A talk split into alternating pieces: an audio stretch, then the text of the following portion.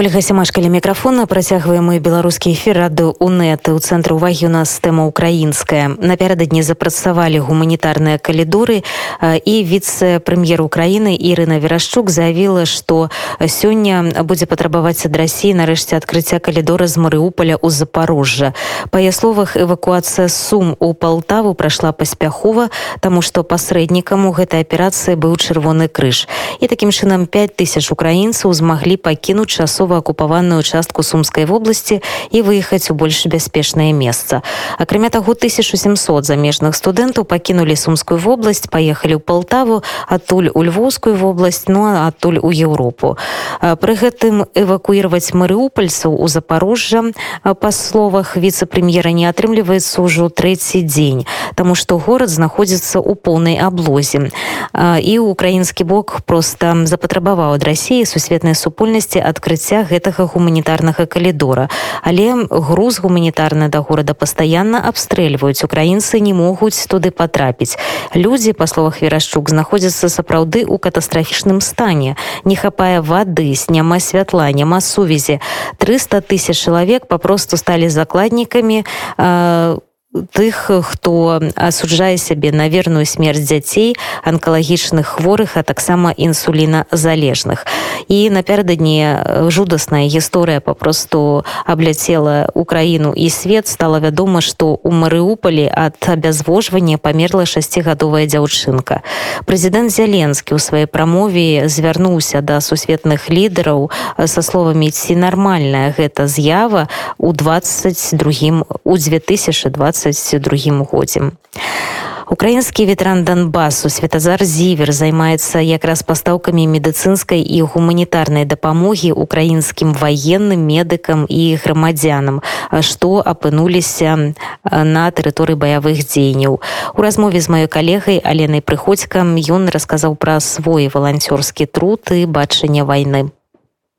Я Зівер Світозар, ветеран українсько-російської війни 2014-2015 роки. Зараз в даний момент в очікуванні мобілізації займаюся волонтерством допомогою збройним силам України, біженцям, добровольцям. Так само, якби проводжу масову інформаційну кампанію, намагаюся використовувати своє знання англійської італійської мови, таким чином допомагати тим, хто зараз захищає Україну. Найбільше наш головний напрямок це медичне забезпечення бойових частин ті, котрі зараз в безпосередньому контакті з ворогом, а також медичне забезпечення е, біженців, тих людей, котрі не змогли втекти, так само на госпіталі, лікарні, котрі знаходяться в зоні бойових дій. Так само це йдеться і про дитячі лікарні, і медичне забезпечення для дорослих, для дітей. Так само відправляємо дитяче харчування, підгузники, памперси, е, тому що розуміємо, що туди доставок нема нових, а це закінчується, і тому це саме головний нахил. Так само для збройних сил України надаємо допомогу по всіх можливих тактичних засобах. Так само ми вже одна швидка наша.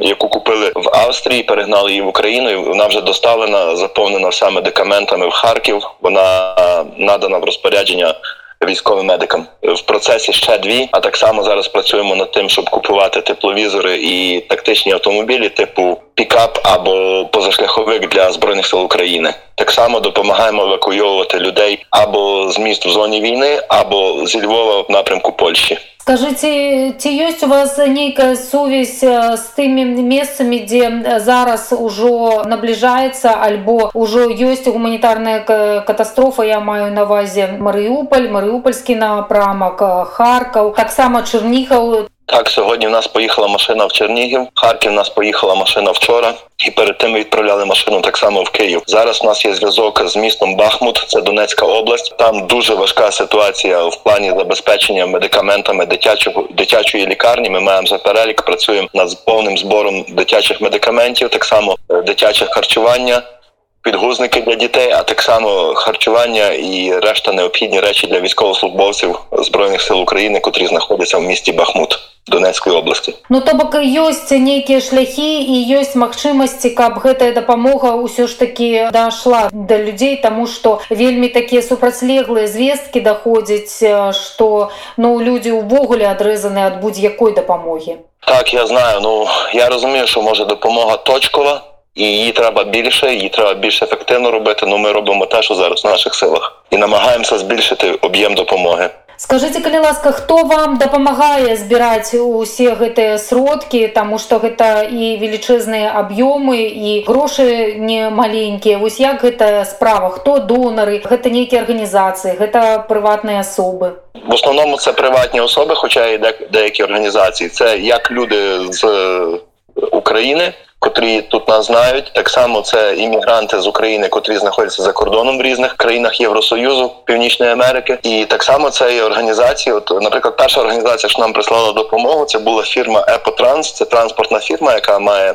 свою логістику. Вони самі прислали вже нам дві фури допомоги, і зараз третю фуру в них це близько міста Катовіце вже завантажують. Ми відправили свою, і завтра вона буде в Україні. Вона буде розвантажуватися, сортуватися і буде відсилатися по напрямках, де це найбільш необхідно. Ось ви ветеран війни, ви військовий чоловік. Як би ви охарактеризували ті бойові дії і ту війну, яка відбувається зараз на території України?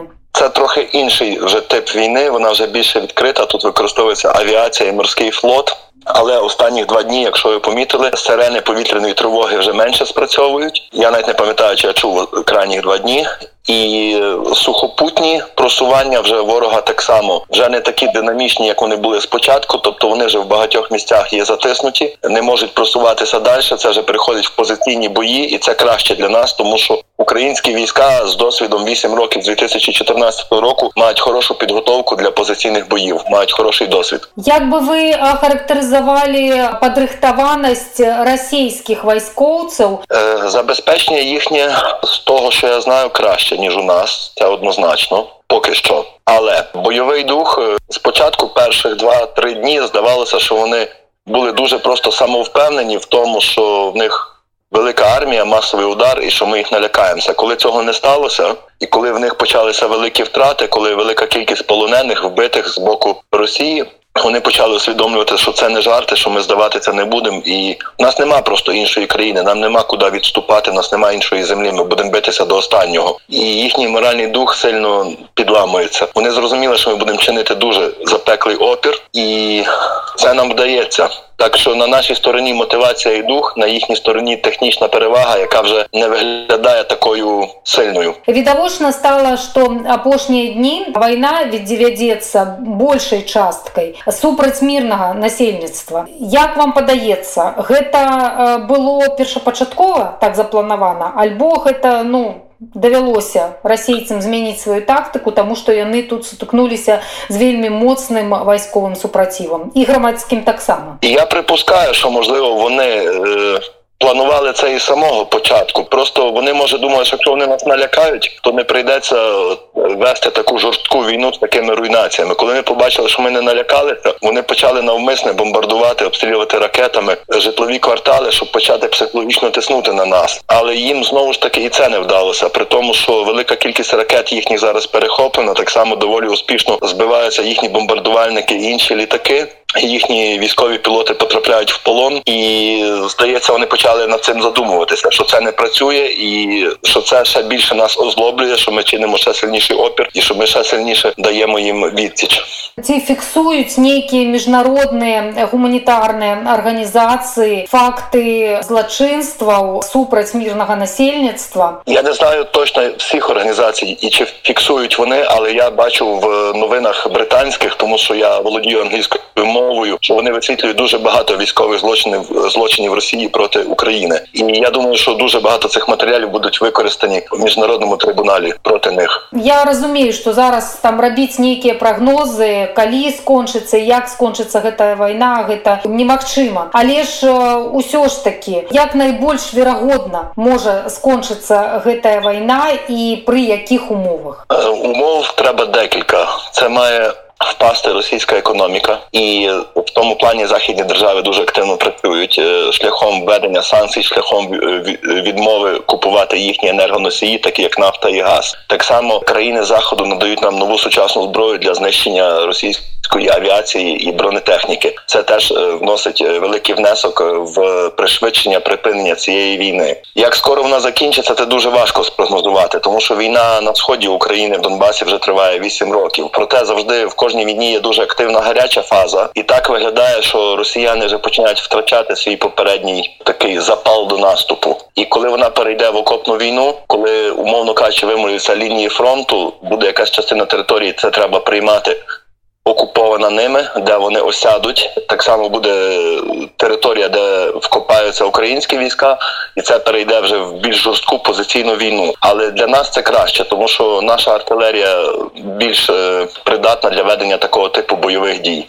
І ми на своїй землі, ми знаємо кожен куточок, і вони це теж знають. І вони знають, що їх ненавидять е, там, де вони захопили території, що їх там не чекали і їм там не раді. Я чітко розділяю білорусів і лукашенківців. Я чітко розділяю чеченців і кадирівців. Білоруси і чеченці нам брати, лукашенківці і кадирівці наші кровні вороги, і не тільки українців, а й білорусів і чеченців. І разом ми мусимо йти до перемоги.